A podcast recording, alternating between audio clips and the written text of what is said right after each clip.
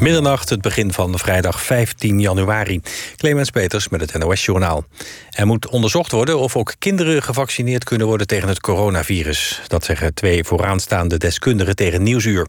Ze wijzen op de verspreiding van de Britse variant van het coronavirus. Deze virusvariant, die als eerste in Engeland opdook... is een stuk besmettelijker dan het gewone coronavirus. En er zijn aanwijzingen dat het ook onder kinderen sneller verspreidt. Arts-microbioloog en OMT-lid Mark Bonten maakt zich in de uitzending grote zorgen. Hij wil snel nader onderzoek naar de noodzaak om kinderen te vaccineren. Een aantal grote Nederlandse winkelketens betaalt minder of zelfs geen huur meer, blijkt uit een rondgang van het Financiële Dagblad. Lingerieketen Hunkemuller is al gestopt met het betalen van huur en zegt na afloop van de lockdown in gesprek te willen over een regeling. Veel andere winkelketens, zoals Blokker en Vibra, betalen de helft van de huur, schrijft het FD. Winkeleigenaren hebben vorig jaar massaal huurkorting gegeven en betalingsuitstel verleend om hun huurders door de coronacrisis te helpen. Maar bij veel kleinere winkeleigenaren is de rek er nu uit, zegt een woordvoerder in de krant. De politie heeft een einde gemaakt aan een bijeenkomst in een loods in het Noord-Hollandse dorp Leinden. Alle 66 aanwezigen hebben een boete gekregen vanwege het overtreden van de coronamaatregelen. Het is niet bekend wat de aanwezigen in de loods aan het doen waren. In de Eredivisie heeft koploper Ajax uit met 3-1 gewonnen van FC Twente. Twente kwam in de 84ste minuut nog op 1-1... maar vervolgens scoorde Huntelaar vlak voor tijd nog twee keer. Heerenveen heeft voor de negende keer op rij niet kunnen winnen. In eigen huis speelde de Friese met 1-1 gelijk tegen RKC. En FC Groningen won op het laatste moment nog van Willem II. In Tilburg werd het 3-2 voor Groningen. Het weer, het is overwegend droog. Tijdens opklaringen kan het vannacht lokaal tot matige vorst komen. Aan het einde van de nacht volgen in het noordoosten een paar winterse buien. Het wordt morgen 1 à 2 graden en dan is het bewolkt... met in het noorden nog kans op een winterse bui. Dit was het NOS Journaal. NPO Radio 1. VPRO. Nooit meer slapen.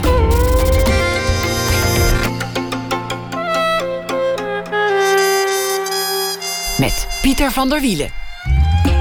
Goedenacht en welkom bij Nooit meer slapen. Noem het desnoods een lockdown-opera. Een man ligt op een matras. Hij dolt rond in zijn kamerjas. Door zijn kamer wordt geleidelijk tot gekte gedreven door de stemmen in zijn omgeving en zijn hoofd. The Mad King van 22 januari online te bekijken bij Opera Today. Gebaseerd op een opera uit 1969. Eight Songs for a Mad King van Peter Maxwell Davis. Het is uh, een stuk dat veel vergt van de zanger, de enige zanger in het stuk. Hij moet grunten schreeuwen. Het gaat van hedendaagse muziek tot mooie aria's van Handel. Biebe Pier Knossen deinst nergens voor terug. Een man die net zo veelzijdig is als hij maar zou kunnen zijn. Hij is operazanger van beroep, bariton officieel. Maar hij is ook een uh, groot fan van Elvis Presley. Begon ooit op het conservatorium met jazzzang. Is ook wel eens als stemacteur te horen bij Nederlandse Pixar en Disney films. En hij werd geboren in 1973. Wiebe, welkom. Leuk dat je dat je bent gekomen. Dankjewel. Het, het is een heel toepasselijke voorstelling, omdat, omdat het lijkt alsof het gemaakt is nu. Voor COVID en voor, voor alle lockdowns. Ja, dat is het ook eigenlijk wel, denk ik. Want ze hebben dit heel snel in elkaar gedraaid. Ze zouden eigenlijk een, eh, een andere voorstelling doen. En toen uh, is dit gekomen. Ze wilden dit stuk al wel een tijd doen hoor. Maar dit, dit hebben ze echt. Uh, ze hebben het aangepast aan het concept van, van COVID. Nou is de de regisseur is een Italiaan en die heeft echt heel heavy in lockdown gezeten. Dus voor hem was het uh, helemaal urgent om dit te maken. En uh, ja, ze hebben heel snel een team bij elkaar verzameld. Waaronder ook een componist om het wat langer te maken. Want het origineel is volgens mij ongeveer een half uur, iets langer. En die hebben daar uh, volledig volgens het plan van, van Maxwell Davies hebben ze daar uh, een wat langere voorstelling van gemaakt. Dus uh, Maxwell Davis heeft het uh, stuk oorspronkelijk geschreven um, voor die instrumenten. Dus dat, dat, dat is voor een viool, cello, um, spinet, is dat een klaversymbol, een piano. Dat is één iemand. Een fluit, klarinet en een, iemand die percussie speelt. Die, al die instrumenten zijn eigenlijk in het origineel vogels, waarmee die koning om de beurt een gesprek mee heeft. En de rol van, die, van de percussionist is, is eigenlijk degene die hem gevangen houdt. Want die, Het gaat over George III. Die is een tijd opgenomen geweest in een gesloten inrichting dan. En dat is dus de, de kracht die hem eigenlijk uh, ja, verstikt, vasthoudt. Zo is het origineel geschreven. En, uh, en, en Maxwell Davis uh, heeft gebruik gemaakt van allerlei verschillende muziekstijlen, van Handel tot aan hedendaags. Met Bartok daartussenin. En, en dat gebruikt hij volgens zijn eigen voorwoord als musical props. Dus, dus muzikale decorstukken. En nou, daar hebben zij dus wat bij, uh, wat bijgehaald. Dus wat extra hendel en dat dan ook laten ontsporen... zoals hij dat zo mooi doet in zijn stukken. Dus de gekte die, die zit ook in de stem. De gekte zit in de muziek, in de, in, de, in de zanger. Dat moet jij ook uitbeelden. Ja. Ik zag een repetitie voor het stuk. Ik dacht, die arme man heeft geen stem meer over... als deze voorstelling uh, klaar is. Ja, dat, dacht ik eigenlijk ook. Ja, wij hebben die laatste afmontageweek was acht dagen achter elkaar. En ik moest echt heel erg goed uitkijken. Want in die eerste week dacht ik van, ah, oké, weet je, ik had het met mijn coach een beetje doorgenomen. Hij zegt, denk eraan, dit is echt notorious, dit is echt een berucht stuk. Toen dacht ik, ja, weet je, ik doe zoveel met mijn stem, weet je, al die... Uh, ik doe ook heel vaak van die schurken in die tekenfilms. Denk, nou, ik, uh, weet je wel, die stalen kabels voor mij, die redden dat wel. Maar dag twee dacht ik, ja, dat gaat lekker. En op dag drie was ineens die hele stem gewoon weg. Dus toen dacht ik, oké, dit is wel toch iets heftiger dan ik dacht. Dus ik moest, uh, ja, ik moest heel erg goed opletten dat ik hem uh, op tijd even rust gaf. Het is wel je moneymaker, hè? Je uh, ja, precies, precies. En ik, ik ben al zo vaak met dit soort dingen wel weggekomen. Maar soms denk ik ook wel eens, hoe lang gaat het nog goed? En absoluut. En het is ook wel heel mooi, want er zitten hele mooie hendelstukjes in... die, ik, die moet ik dan in falset zingen, als een soort countertenor. Hè? Dus dat klinkt dan als een vrouwenstem. En ja, dan wil ik dat natuurlijk ook heel mooi doen. Uh, dus ik wil de stukjes die heel mooi zijn uit het stuk... wil ik ook echt wel verzorgd en vocaal mooi zingen. En die stukken die hij. Ja, er zit een hele legenda bij het stukje, bij het stuk aan het begin. Waarbij alle tekens die erin staan, die betekenen iets. En soms staan er gewoon hele akkoorden. Hij heeft het voor een, uh, een zanger geschreven die hij kende. En die kon het allemaal. Die kon dubbeltonen zingen en zo. Gewoon akkoorden uit zijn strot persen. Ja, dat kan ik hoe, natuurlijk hoe, niet. Hoe, hoe, dan? Ja, nou, ik probeer het dan met een beetje uh, slack, noem je dat? Uh, dat soort dingen.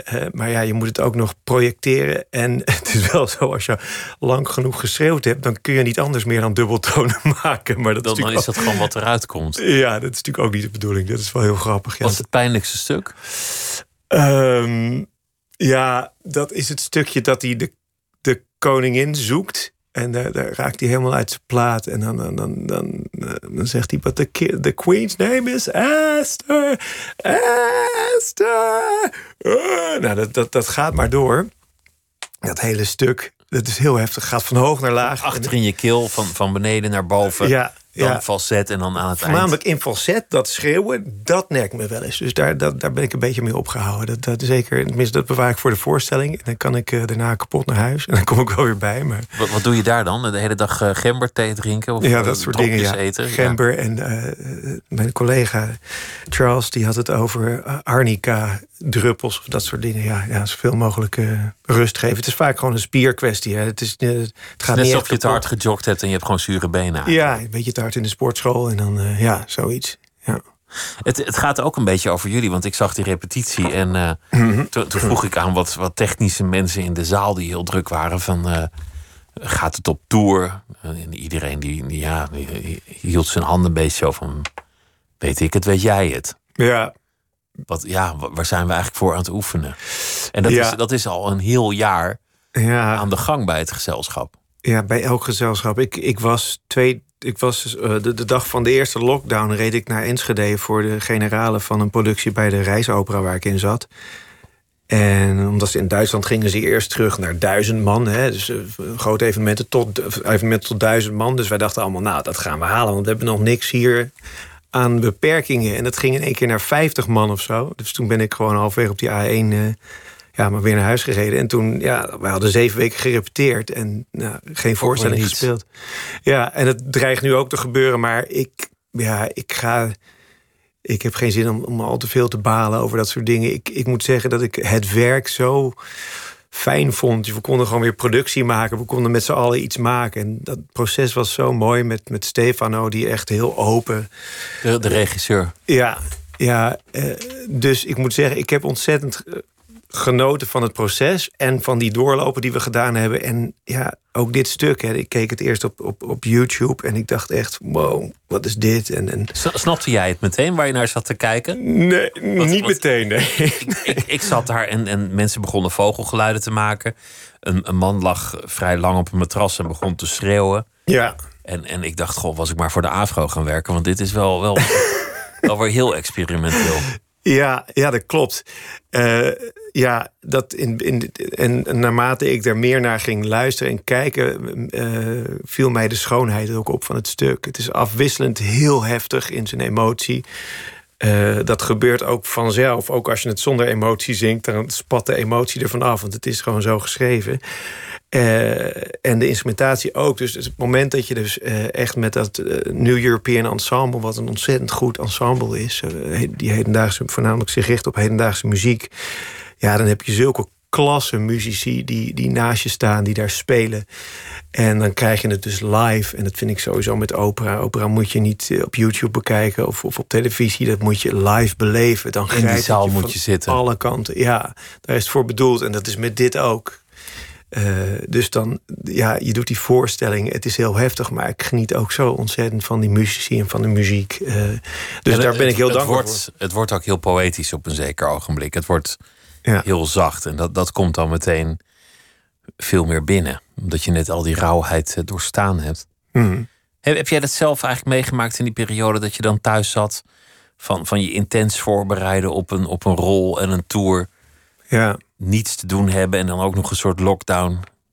Heeft, heeft de gekte geloerd? Ja, ja, ik denk het wel. Ja. Ja, omdat je toch wel... Je merkt eigenlijk hoe dun het lijntje is tussen dat kunnen doen wat je graag doet... en dus eigenlijk ook nuttig zijn hè, als, als mens. Eh, ik denk dat In de samenleving dat je iemand bent en bestaat en er mag zijn en dat soort dingen? ja, ja, dat- ja, dat is toch je bestaansrecht ergens. Wat misschien ja, niet helemaal zo zou hoeven zijn. eh, maar ja, zo, dus op het moment dat je dat lang niet kunt... en echt ook helemaal niks kunt... dan, eh, ja, dan moet je wel soms alle zeilen bijzetten... en eventjes de gedachten de gedachten laten zijn... en de emotie de emotie... en het gewoon eh, even vastpakken en weer door laten gaan, als het ware. Hoe doe je dat? Ja, dat, dat, dan, dan probeer ik toch in een soort observatiemodus te gaan en denken: oké, nu voel ik me zo.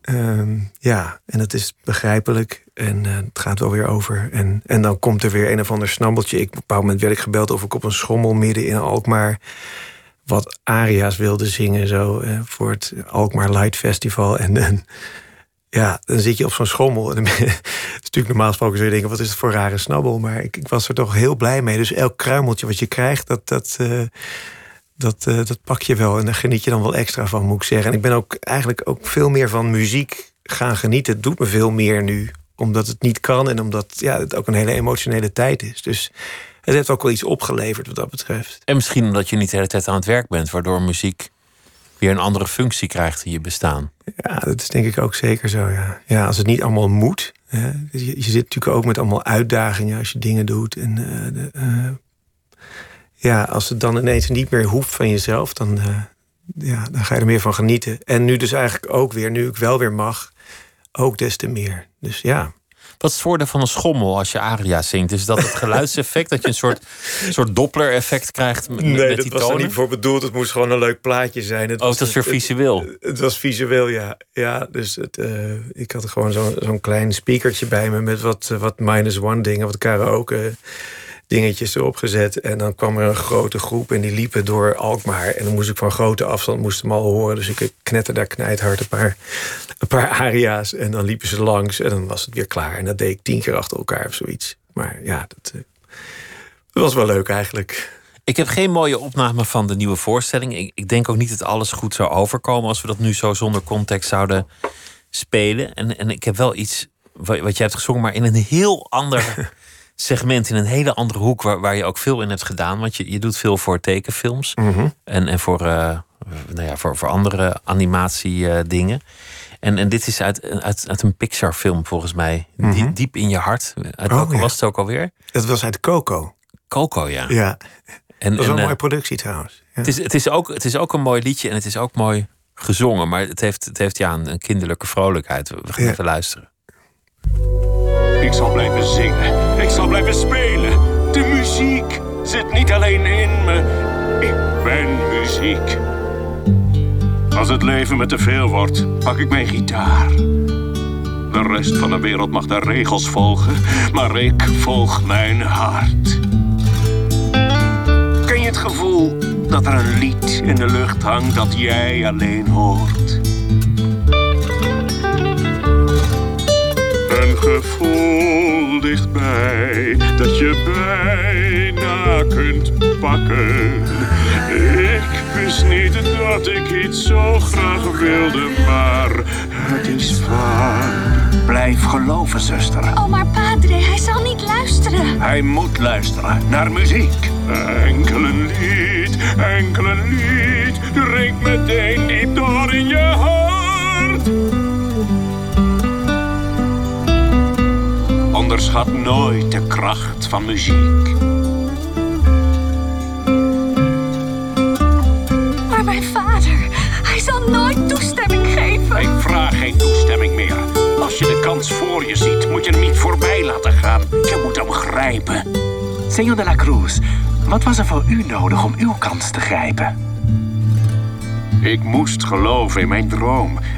Niemand zou me iets aanreiken. Ik moest zelf mijn arm uitstrekken, mijn droom vastpakken en hem uit, laten komen. Het, het mooie is dat je zingen en acteren hier formidabel combineert. Wat, wat ook de essentie van opera is. Ja, klopt. Dat is ook waarom het mij trok, inderdaad. Waarom de opera trok destijds? Ja, zeker. Omdat ik altijd wel uh, ja, acteren heel erg leuk vond. Het ligt me heel erg, het podium. En ontzettend dol ben op, op muziek en zingen. Dus uh, ja, ik heb als kind wel meer muziek gedaan. Ik had beentjes en dat soort dingen. Maar op het conservatorium, uh, op de jazzafdeling deden we ook wel musicals, zoals Chicago en dat soort dingen. En uh, ja, daar speelde ik dan een rol in. Ik merkte dat me dat heel goed lag, dat ik het heel erg leuk vond. Maar het zijn totaal andere manieren van zingen. Een rock'n'roll bandje, jazz of, of opera. Ja, nou, als ik ergens wel natuurlijk. Hè. Natuurlijk, je moet wat verder geschoold zijn voor, om opera uh, te kunnen doen. Je moet veel meer projectie hebben. Je moet over een orkest heen komen. En onversterkt de, de achterste rij bereiken. Ja, ja, precies.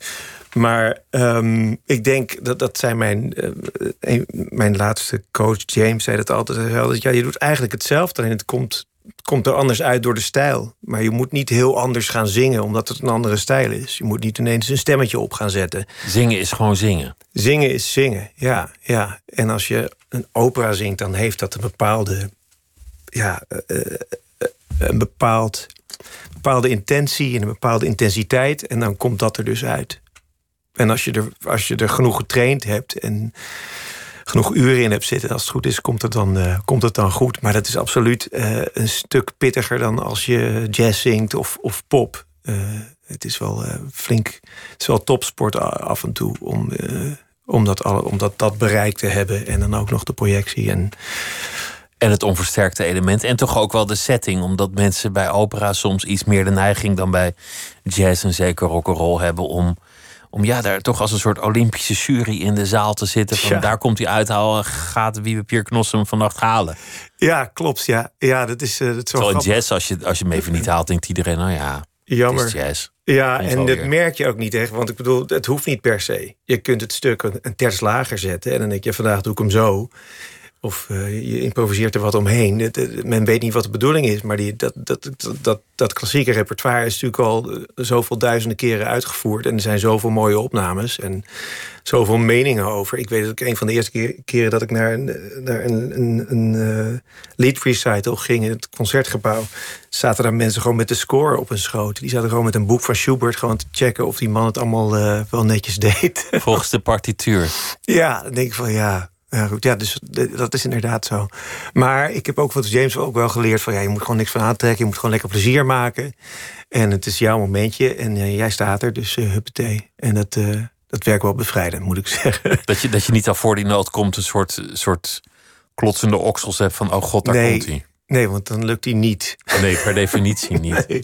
Hij zei altijd, have fun. En, eh, je, you do the work and then you have fun. En ik, dat heeft me wel heel erg geholpen. Want het wordt allemaal zo serieus genomen. Ik denk, eh, dan maar niet. Eh, de dood of de gladiolen. Dat, dat is een stuk... eh, ja, je moet gewoon plezier maken. Daar, daar, ik heb best wel ook een tijd lang gehad, eh, last gehad van... best wel zenuwen van tevoren. En, en, wakker liggen. En oh jee. en... en op een bepaald moment dacht ik, ja, maar dit doe ik toch echt omdat ik het leuk vind. Dus eh laat, me, laat me gewoon plezier maken. En dat lukt steeds beter, moet ik zeggen. En als je plezier hebt, komt het ook eh, over. Over, de, over dat, dat stemacteren. Mhm. je, je, hebt, je hebt echt best wel een groot repertoire gedaan. Disney, Pixar, ook eh, Mhm.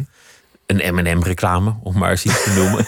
Jij was blauw, geloof ik. Geen idee. Of, of geel, dat weet ik niet meer precies. Maar, maar jouw hele familie, jouw hele gezin van vroeger... dat, dat zijn allemaal eigenlijk stemacteurs. Ehm, nou, het hele gezin. Ja, mijn zus. Oh, je zusters, je, je, Ja, broer. doet het. En ik heb geen broer. Ja, hebt ik- geen broer? Ik heb wel broertjes, maar die zijn een stuk jonger. Dus mijn vaders. eh, Aan je vaders kant, maar die, dat zijn geen stemacteurs. Eh, nee, nee, mijn moeder was natuurlijk actrice, was hoorspelactrice.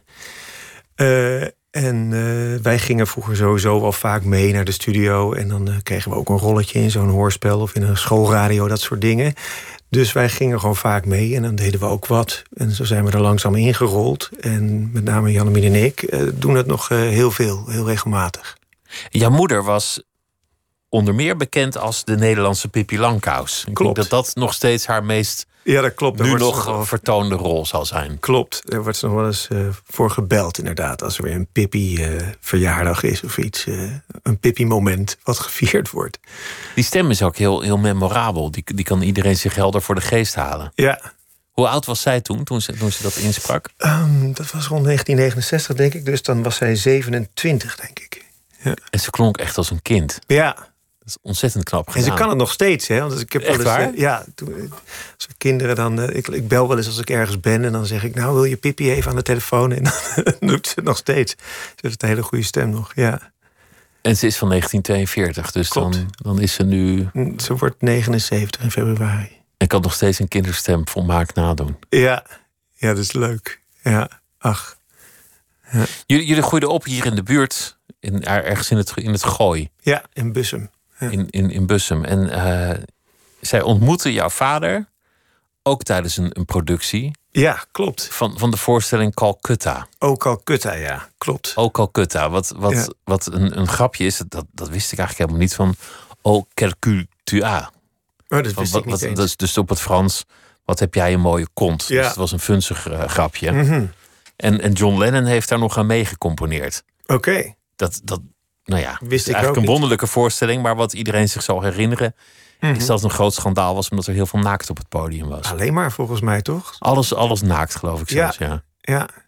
Ja, en mijn vader zat dus in de orkestbak, die speelde daar piano en die. eh, ja. En de vonk sloeg klikte. over. ja. ja. Maar ze, hoe lang zijn ze bij elkaar geweest uiteindelijk? Niet heel lang, dat was redelijk eh, tumultueus. Eh, volgens mij van 71 tot 74 of zoiets. eh, drie jaar. Dus, dus toen jij goed en wel ehm, bewust was van de wereld, toen waren ze lang uit elkaar. Ja, ja, Dus je bent echt opgegroeid in een, in een gezin met alleen maar vrouwen. Je was de enige man thuis. klopt. Ja, vier meiden en mijn moeder dan. Ja. Maakt dat uit eigenlijk als je alleen maar vrouwen thuis hebt? Ehm, nou, ik denk dat je. Ik heb later wel een beetje moeten inhalen eh, qua, qua mannenenergie en mannenblik. Eh, dat, was wel, dat was voor mij wel het normaal, al die meiden. En dat ging ook soms best wel. eh, nou ja, dat waren ook meiden die allemaal één keer per maand natuurlijk ongesteld werden. Dus het was af en toe best wel, wel heftig. maar ook heel gezellig hoor. Het was ontzettend leuk. Ja, het was eigenlijk een hele leuke jeugd. Maar ik, ik denk, eh, eh, ja, ik, mijn vader zag ik in het begin niet heel veel. En dat heb ik later wel, eh, heb ik wel gemist. Ja. Dus ik heb wel hier en daar een beetje getankt bij, bij mannenfiguren... om dat een beetje aan te vullen later. Want er was niet iemand thuis die toen je puber werd ging uitleggen hoe een scheermesje werkte. En YouTube bestond nog niet. en je hebt nu ook een baard. Maar, maar goed, dat heeft er niks mee te maken. Maar Ja, nee, precies. Ja, het heeft daar ook niet echt mee te maken. Het is meer dat je. dat- ik merk dat mijn eigen zoon, hè, die, die, die, die loopt af en toe dan naar me toe als ik ergens ben. En dan pakt hij me helemaal vast. En dan, dan hoef ik er alleen maar even te zijn. De energie, denk ik. Eh, dat, dat is het meer, denk ik. Maar je had weinig contact met je, met je vader. Ja, die was alweer een tweede huwelijk begonnen. En dat, dat liep nooit zo goed. Dus als we daar waren, waren we vaak binnen een uur alweer thuis, omdat er dan ruzie ontstond. En, uh, dus dat, uh, ja, tot mijn elfde eigenlijk. En vanaf mijn elfde zag ik hem wel een stuk vaker, vaker hoor. Dus, uh... Maar ook hij zat in de muziek. Je moeder die, ja. die, die, zat bij het toneel en, en stemacteur. Dus die was ook zeer, zeer ja. muzikaal. Ja, klopt. Ja, dat is voornamelijk act actrice hoor. ja. ja. Ja, zij werkte echt elke dag. Zij was freelance hoorspelactrice. En tot 85 werd dat nog ontzettend veel gemaakt. Dus zij was eigenlijk elke, elke dag aan het werk. En, uh, en mijn vader, die, uh, die was uh, organist in een kerk. En hij was ook, nou, hij begeleidde dus ook nou ja, voorstellingen zoals het Vrouwencabaret en, en dus Calcutta destijds. En, en heel lang met, met Cito Hoving en met, um, wat ik me kan herinneren, Um, hoe heet die ook weer? ja, in ieder geval Cito Hoving, die, had die pachtte een theater in Amsterdam. En daar zaten wij vaak op de vrijdag en zaterdagavond...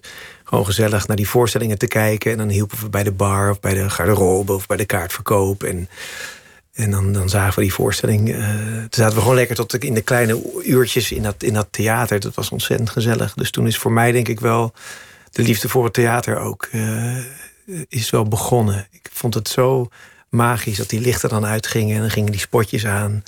En dan, dan begon die voorstelling. Uh, ja, dat heeft me toen wel meteen gegrepen, denk ik. Het is bijna een rechte lijn van, van wat je als kind hebt meegekregen naar wat je later bent gaan doen. Ja, ik heb dat ook nooit heel bewust gekozen, allemaal, merk ik eigenlijk. Ik, ik ben daar gewoon, ben dat maar gewoon gaan doen. Het was eigenlijk wat ik zag. Ja. En, ja, en heel leuk vond. Je, je, hebt, je hebt een, een, een, korte tijd getwijfeld of je niet piloot zou moeten worden. Klopt, ja. Hoe serieus was dat? Nou, dat was altijd een hele grote passie van mij. En, um, Wat was de passie? Vliegen? Ja, ook. Ja, ik was heel gek op luchtvaart en, en uh, ja, vliegtuigen. Vanaf kind af aan. Wij gingen op mijn, toen ik drie was voor het eerst op vakantie met een vliegtuig. En toen was ik meteen verkocht eigenlijk. En het is nooit meer overgegaan.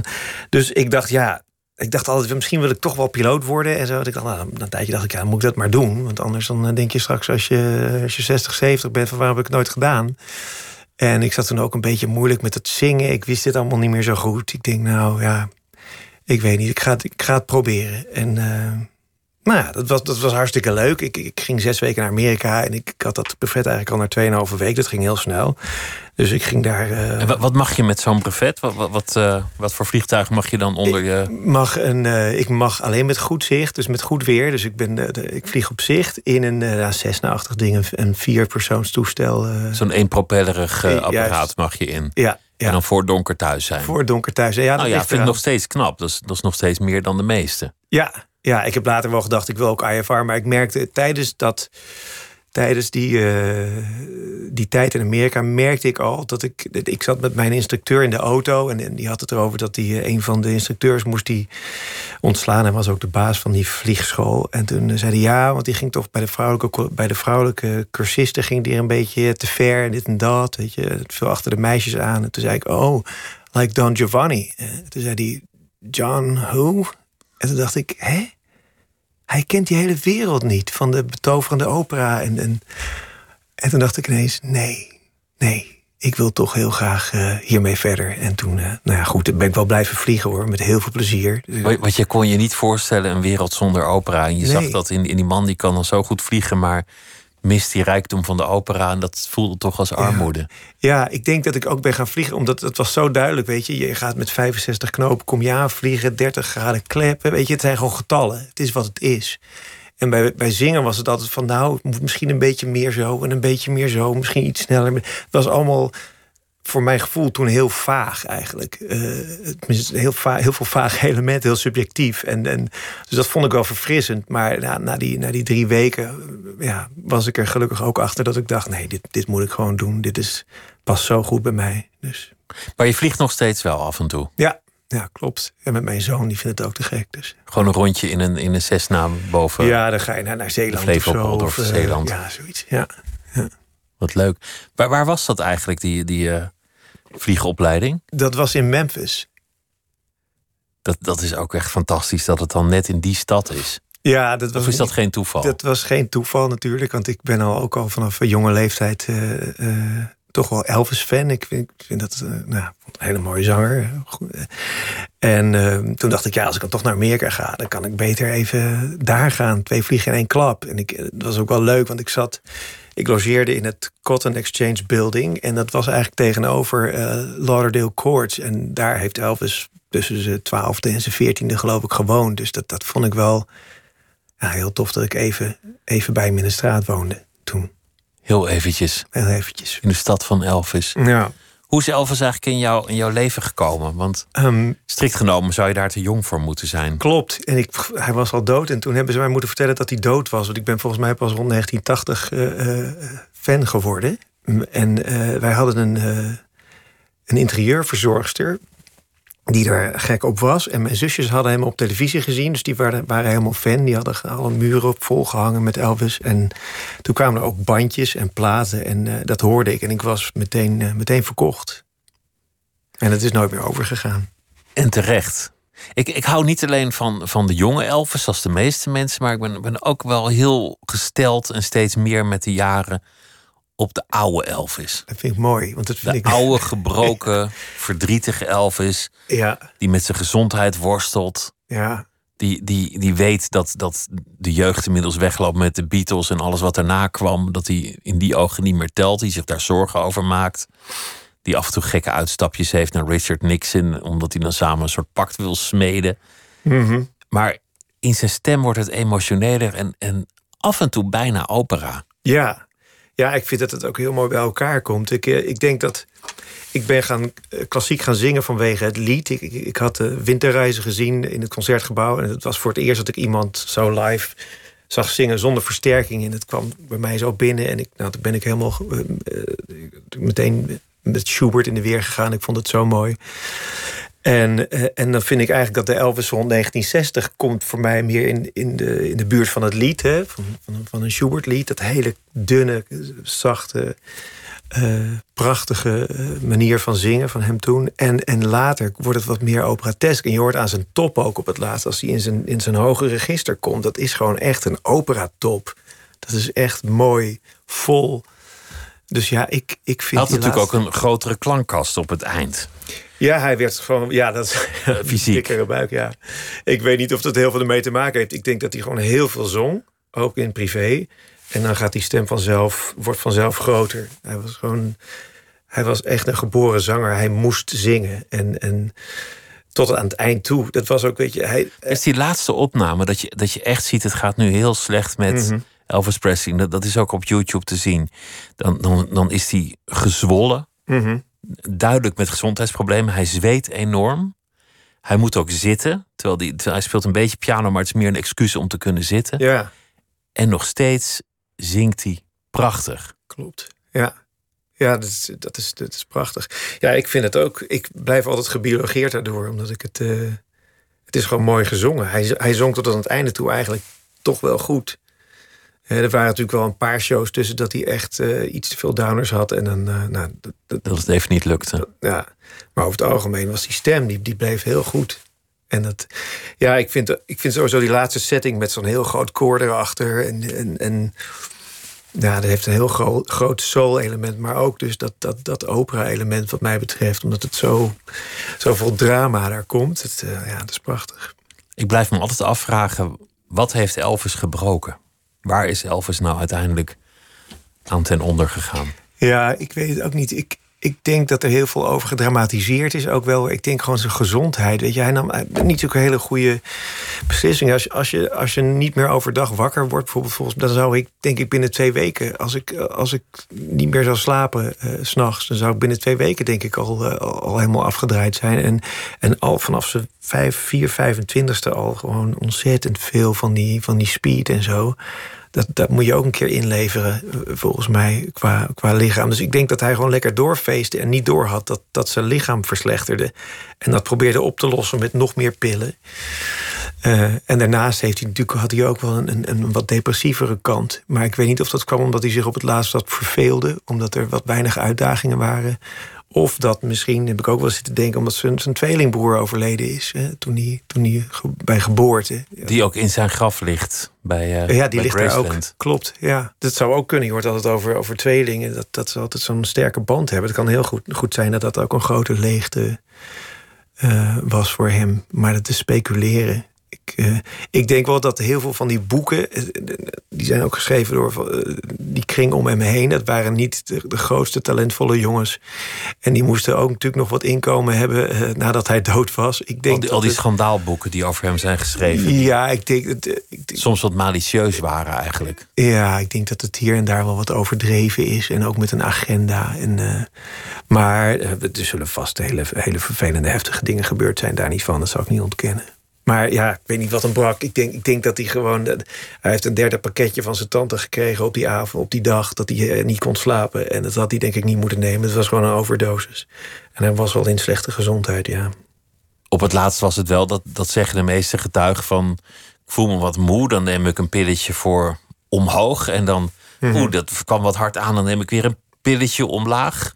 Ja. Oh, dan iets, weer een pilletje tussenin. En, en zo Ja. navigeerde die op, eh, op farmaceutica. Ja. Ja, hij, hij, kon, hij had een groot slaapprobleem. Dus hij nam om te slapen nam hij ontzettend veel eh, farmaceutica. Maar ook om, dan moest hij ook weer wakker worden. Dus daar moest dan weer wat tegenover staan. Dus dat, dat ging zo. Ja, op het laatst was, waren dat echt eh, injecties en dingen. En hele pakketjes dus. eh, die, hij, eh, die hij drie keer per dag kreeg, geloof ik, zoiets. Tragisch. Ja. La- laten we luisteren naar de, de jonge Elvis. Ja, want, want dat vindt iedereen toch het mooist.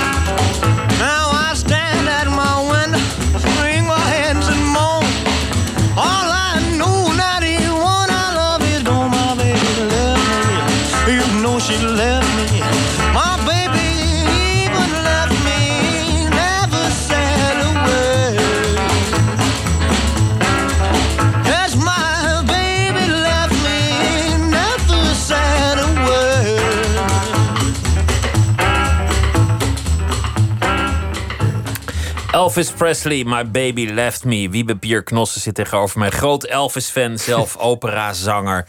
We hebben gesproken over de nieuwe voorstelling die eh, online te zien zal zijn. The Mad King. En misschien ooit nog wel eh, het licht zal zien weer in de theaters. Maar alles is ongewis in 2021, zo goed als 2020.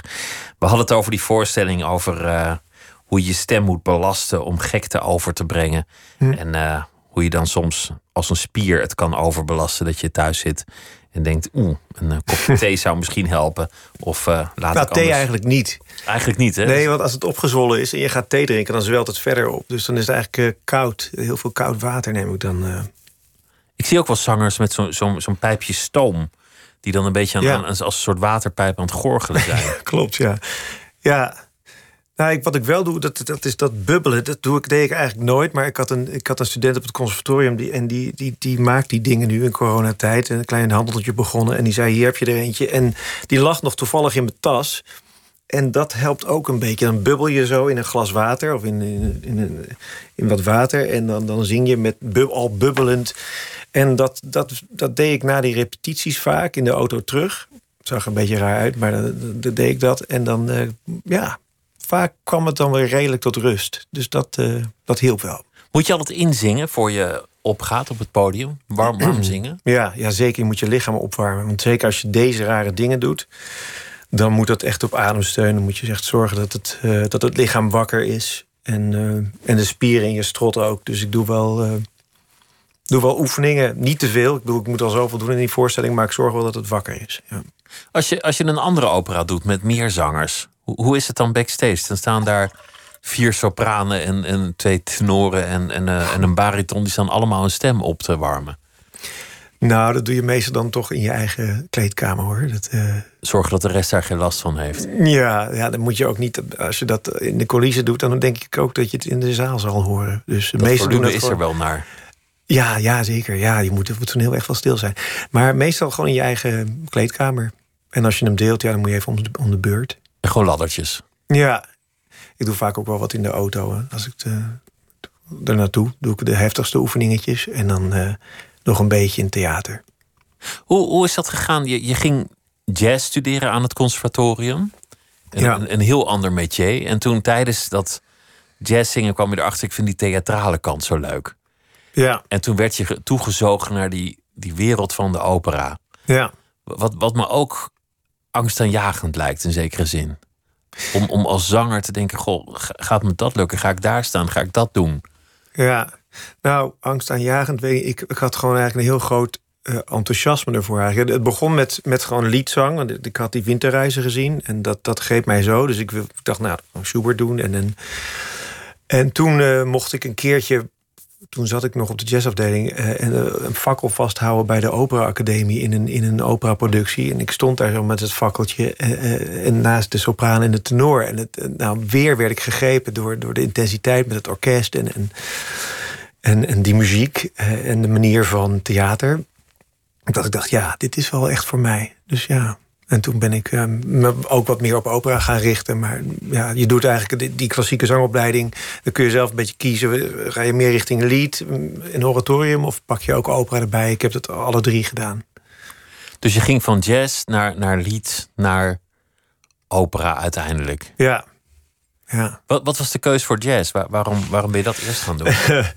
nou, ik, ik luisterde heel veel jazz ook bij mijn vader. Die was echt gek op jazz. Dus wij luisterden naar, eh, naar Sammy Davis eh, en dat soort dingen. En eh, die draaiden wij altijd wel grijs. Dus, maar het was ook, ook omdat ik niet zo heel goed wist wat ik nou wilde. Ik, ik was een beetje tegen mijn verwachting in. Ineens klaar met mijn middelbare school. Ik had dat toch gehaald. En toen dacht ik, ja, wat nu? En toen zei ze, ja, je zingt toch altijd, kijk even, eh, doe gewoon auditie en dan kijk je wel. En toen dacht ik, ja, never nooit. En toen werd ik tot mijn verbazing aangenomen. En toen, eh, ja, heel leuk, ben ik dat gaan studeren. Maar het was een beetje toevallig. Het was ook omdat ik dacht, ik moet wel iets studeren. Ik was toen goed gekeurd voor, voor dienst. En eh, dus ik dacht, ja, dan kan ik maar beter wat gaan studeren. En dat werd dan maar jazzzang. Want het, het was in jouw tijd zo of het leger of studeren. En Ja. studeren zou betekenen net afstel. Uitstel. Uitstel en, En we wisten al dat het afgesteld zou, eh, dat het afgesteld uitstel zou kon wel eens Dus- mooie afstel worden. Ja, ja, ja. Ja. Ja, ik had eigenlijk grappig toen ik, toen, ik die, toen ik dat deed, wilde ik heel graag in dienst. Maar ik zat met een groepje met allemaal van die jongens die wilden commando's worden, commando worden. Dus ik ging daarheen en ik, eh, ik, ging, ik werd helemaal beïnvloed door die jongens. Ik dacht, ja, dat is cool. Dus ik ging met die, eh, met die sergeant praten. En ik zeg, ja, ja, ik wil graag eh, ook wel graag in een tank in Duitsland en dit en dat. En toen. eh, ja, ik weet ook niet waarom ik dat deed. Toen kwam ik weer in die wachtkamer, dus allemaal pacifisten. En ik, ik kwam er buiten. Ik zeg, yes, ik ben goedgekeurd. Het zeiden ze, ben je een versukkel, man. Ik, ik- Ben gek? Toen dacht ik, oh, dat was niet zo handig. dus ik had me ook heel erg ingezet om, om goedgekeurd te worden. Dat was wel jammer. Dus het ene moment wilde je het heel graag, het andere moment helemaal niet. Ja, ik liep een beetje meeslepen door die, door die groep eigenlijk. Maar in ieder geval... eh, Ik kende toen jongens die gingen het leger in, dienstplichtig. En die kwamen eigenlijk allemaal 10 kilo zwaarder terug. Wat, wat Mm. misschien ook wel iets over het Nederlands leger Ja, zegt. dat schijnt heel saai. Dit- is ook ooit een Maar keer- die, die zetten het allemaal op een zuipen en een vreten in die tijd. Ja, ik, ik had dat beeld van dat je een stormbaan op en af moest, maar dat, dat viel kennelijk ook wel weer mee. Ja. Dus dacht ik, oh nee, dat, ik wil niet zo dik worden. Dat is inderdaad wel raar, ja. Ja, Ja. ja ik geloof dat uh, Coat en Bier hebben ooit een keer een persiflage gemaakt van zo- zo'n leger dat ze de banden van hun jeep gingen, gingen wassen of zoiets. Eh, dat, dat was toen een. De verveling die echt Eh, eh, geïnstitutionaliseerd was. Ja, ja. Hoe leer je opera? Want, want als je kan zingen, kan je zingen. Maar er komt zoveel meer bij kijken. En, en Ja. wat, wat leer je op een, op een opleiding Ja, dat is. waar je iets aan hebt? Ja, je, je, je- je leert, je leert hoe het werkt. Het is, het is echt wel. eh, het is wel ingewikkeld, want je moet natuurlijk en gewoon spelen alsof je speelt. Je moet gewoon als de acteur zijn, maar je moet ook nog eens hartstikke gelijk zijn met het orkest. Dus je moet altijd een oogje hebben op, het, op de dirigent. Je moet tellen, want soms kom je een paar maten later. En nou goed, het ligt een beetje aan hoe ingewikkeld de muziek is. Dus je bent en heel erg aan het tellen en de muzikus ben je aan het zijn, maar je bent ook het karakter aan het zijn. Je verhoudt je tot, aan, tot, de, tot je medespelers, maar ergens ook tot het publiek natuurlijk. Dus het is wel, eh, het is wel veel dingen tegelijk. Dus je moet het, eh, ja, je moet het heel veel trainen en oefenen. En je moet dus niet meer over zingen hoeven nadenken, want daar heb je al helemaal geen tijd meer voor. Dus je moet heel ja, flink trainen om dat, eh, om dat vanzelf te laten gaan. Dat zingen moet helemaal vanzelf gaan, zodat je in je rol kan zitten. Ja. En zonder nadenken eigenlijk een heel ingewikkeld lied kunt zingen. Ja. Ook nog half kijkend naar de dirigent. En ja, het- en allemaal uit je hoofd orkest. natuurlijk. Het is wel grappig. Ik, ik, ik had een keer een eh, ik gaf assistent-dirigent... en die moest een keer invallen voor een, een van de cast. Omdat die was er niet. Zegt, dat doe ik wel even. En die zei, ja, ik heb toen pas begrepen hoe ontzettend lastig dat is... en hoe makkelijk wij altijd kunnen zeggen... ja, die domme zangers, want ze, ze, ze zetten te laat in... of, of, of ze slepen. Of, hè. Maar het is, het, ja, het is toch wel, eh, toch wel een lastig dingetje, zei hij. Want je hoort vaak het orkest ook niet op het podium. Hè? Dus je moet dan echt helemaal op de, op de handen van de dirigent. En... ehm, ja, en je moet al die dingen dus blijven doen. Je moet gewoon zorgen dat je op tijd komt. En, en ook nog leuk spelen. En ehm, Dat allemaal tegelijk. Was je meteen een talent toen je, toen je opera ging studeren? Ja, denk ik wel. Ik denk dat ik ook omdat ik het. eh, um, ja, die dingetjes die ik deed, die voelden wel goed in ieder geval. Dus de, de- ik, ik kon altijd het spel. Het spel leed nooit onder het zingen en het, de zang leed nooit onder eh, het acteren. Waarschijnlijk omdat je van allebei geniet. Omdat je er zoveel Ja. plezier aan beleeft, aan beide aspecten. Ja, ja. Ja, inderdaad. Ja, ik vond het meteen heel leuk. Ik heb ook wel eens moeilijkere periodes gehad hoor. Dat, dat, dat, ja, dat, dat je dan rollen zingt die je dan eigenlijk net niet aan kan. Nou, dan, dan wordt het echt lastig. Dan, dan ga je daarmee bezig. En dan, ja, dan. eh, Dus ja. Maar over het algemeen, toen merkte ik wel dat het echt iets voor mij was. Eva Maria Westbroek was, was een keer hier te gast. En, en ik, ik denk dat zij de, de beroemdste is uit Nederland op dit Ja, moment. Klopt. En wat mij is bijgebleven is dat ze aanvankelijk op die opleiding te horen kreeg... Nou, dat wordt niks met jou. Je, je, je bent een zes, maar ik geloof niet dat je ooit een zes en een half kan worden. Ja. Dat verhaal heeft, want zij, had- zij had dus les van James. En daar heb ik ook, eh, die heb- ben ik gelukkig ook tegengekomen op een bepaald moment. En hij vertelde altijd dat verhaal, dat hij, eh, hij was heel boos. Want Het is leuk, hij, zij studeerde inderdaad af met een 6 min, geloof ik. En ze zeiden, jij zult nooit ergens zingen. Ja, misschien in een koor, maar dit en dat en dat zijn je problemen. En ik geloof dat zij een half jaar later begon zij gewoon al overal eh, te zingen. Nadat ze met James klaar was, nou klaar, eh, verder was gekomen. Dus hij heeft iets, James heeft iets, had iets, die kon de wat grotere stemmen echt heel goed trainen. En daar, Echt een coach die kon, kon echt aanvoelen wat je nodig had. nou, technisch, ja. ja. Hij was natuurlijk, hij had heel veel ervaring en met heel veel, hij had overal gezongen. Dat was een hele goede tenor.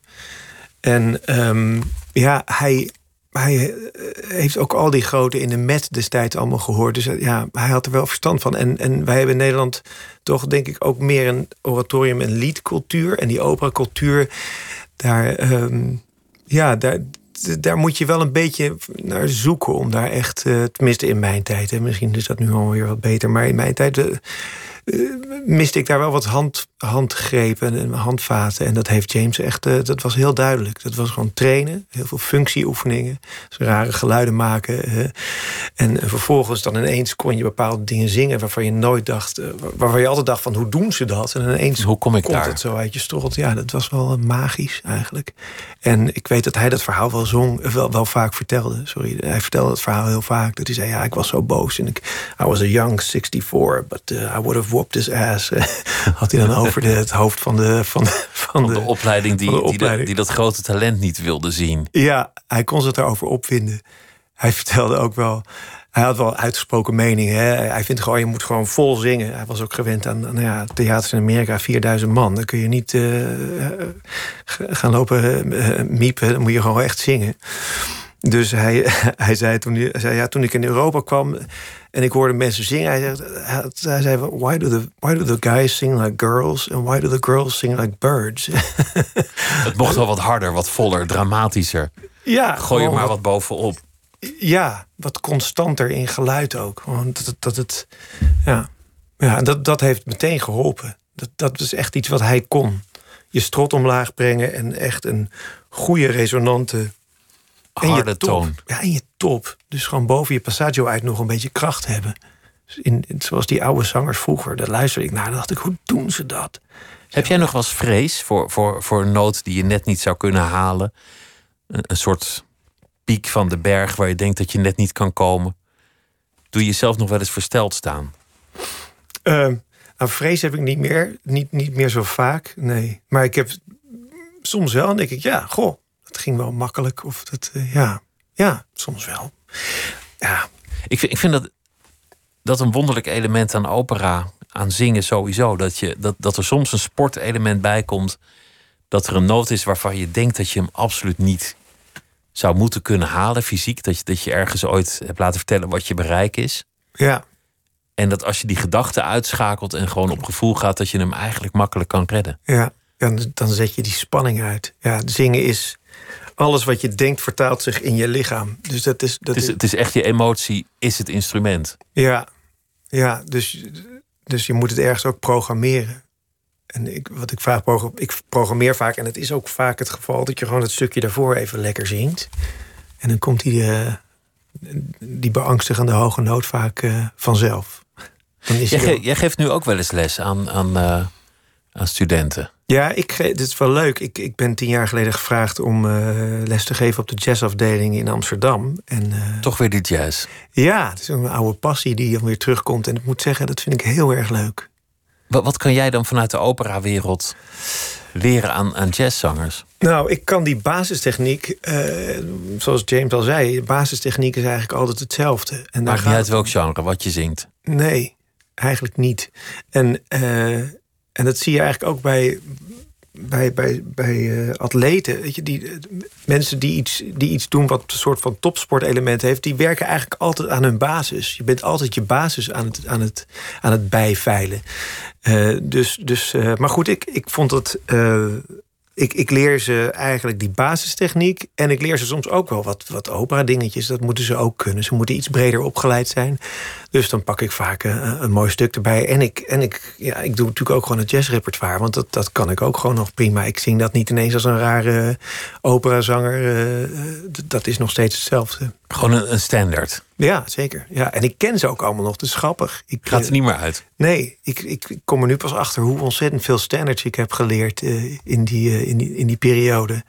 Ik, heel vaak moet ik ze ook. eh, dan corrigeer ik ze of noten of, of, of tekst. En denk ik, ah ja, dat. dat eh, ook omdat ik heel vaak speel je natuurlijk gewoon van een akkoordenschema. Dan hebben ze de muziek niet bij zich, maar dan, dan, dan weet ik wel precies nog eh, hoe die dingen gaan vaak. Dat is wel grappig. Wat, wat breed ben je eigenlijk muzikaal? Ja, Of gaat het nog breder?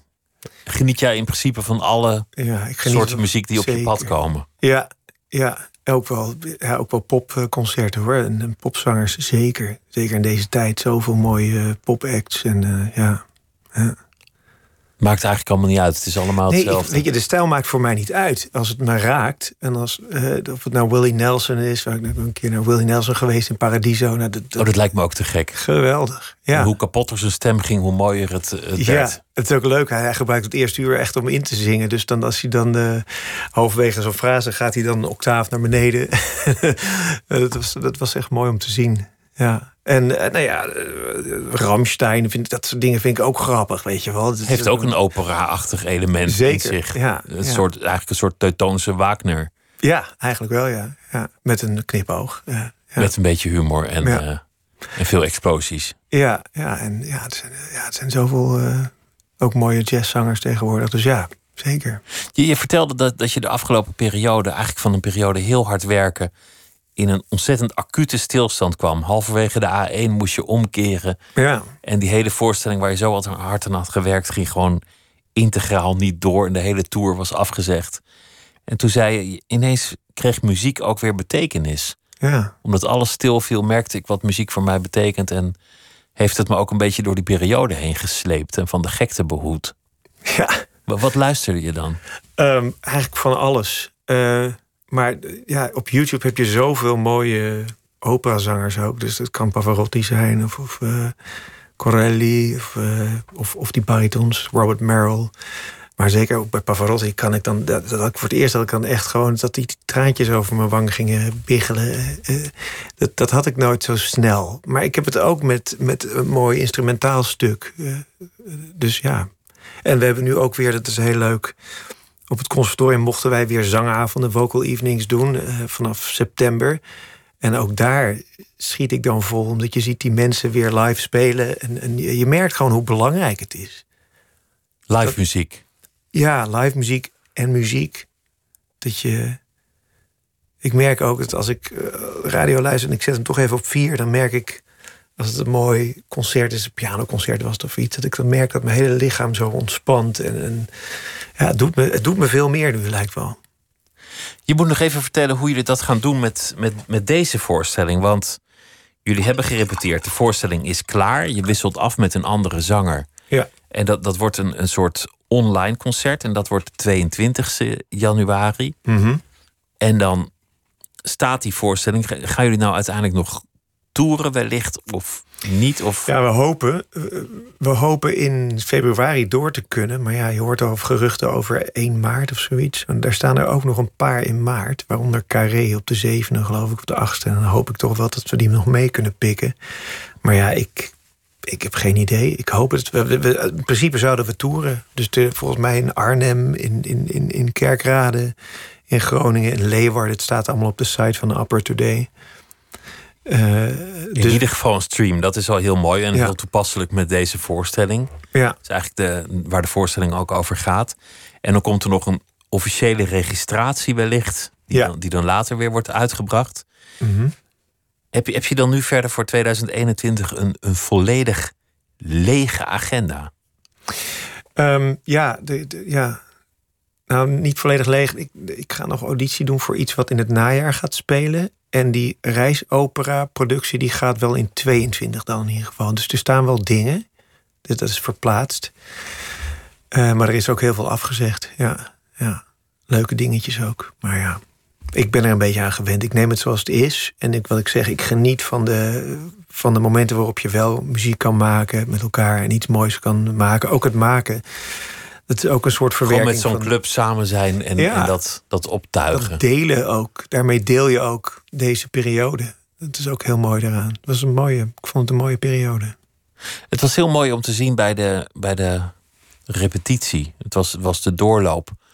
Dat, dat mensen echt allemaal met, met zo'n energie zich storten op die, op die productie. Van, van de kabelshower tot de lichtman. Iedereen had echt, echt honger en gretigheid om weer datgene te doen Ja, dat merk wat je. ze ja. doen. Ja. ja, te gek. Heel veel energie van inderdaad van de ontwerpers en, en inderdaad eh, de technici in het theater. Heel positief. Ja. Ik hoop dat, het, eh, dat ze een beetje doorprikken. Dat ze de smaak te pakken krijgen. Ja, En eh, dat- we snel uit die ellende zijn. En dat we Ja, dan weer ook, live ja. muziek kunnen meemaken. ja. Gewoon weer in zo'n zaal zitten. Of in een jazzclub. Of in, een, in een dampend paradiso. ja. Maakt allemaal niet uit. Ik kijk heel, ik, het, is, het is heel onwerkelijk om de. zelfs als je het op televisie denkt, dan denk je altijd van hè, wat ziet, dan denk je van hè, het is zo, we zijn het zo ontwend dat het ooit normaal was. Ik hoop echt dat het weer normaal wordt. eh, dat we dat weer kunnen doen. Samen genieten van muziek. Ik wens je heel veel plezier en, heel veel succes met alles dat, eh, dat gaat komen. The Mad King is eh, te zien bij Opera Today vanaf eh, 22 januari online. Wiebe Pierknossen, dankjewel. Het was leuk om met je te praten. Dankjewel. En ik wens je veel eh, plezier en eh, veel muziek. Morgen dan zit Lotje IJzermans hier en zij gaat in gesprek met eh Janice Dul, een Surinaams-Nederlandse journaliste, fashionactiviste en curator. En ze gaan praten over diversiteit en mode. En bij Miss Podcast is Kluun zometeen te gast. Een goede nacht en dank voor het luisteren.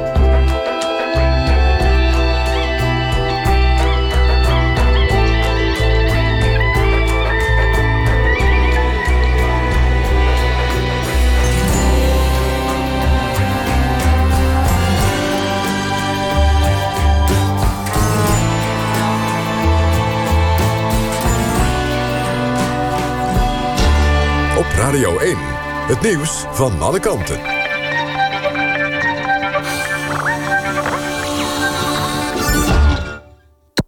NPO Radio 1.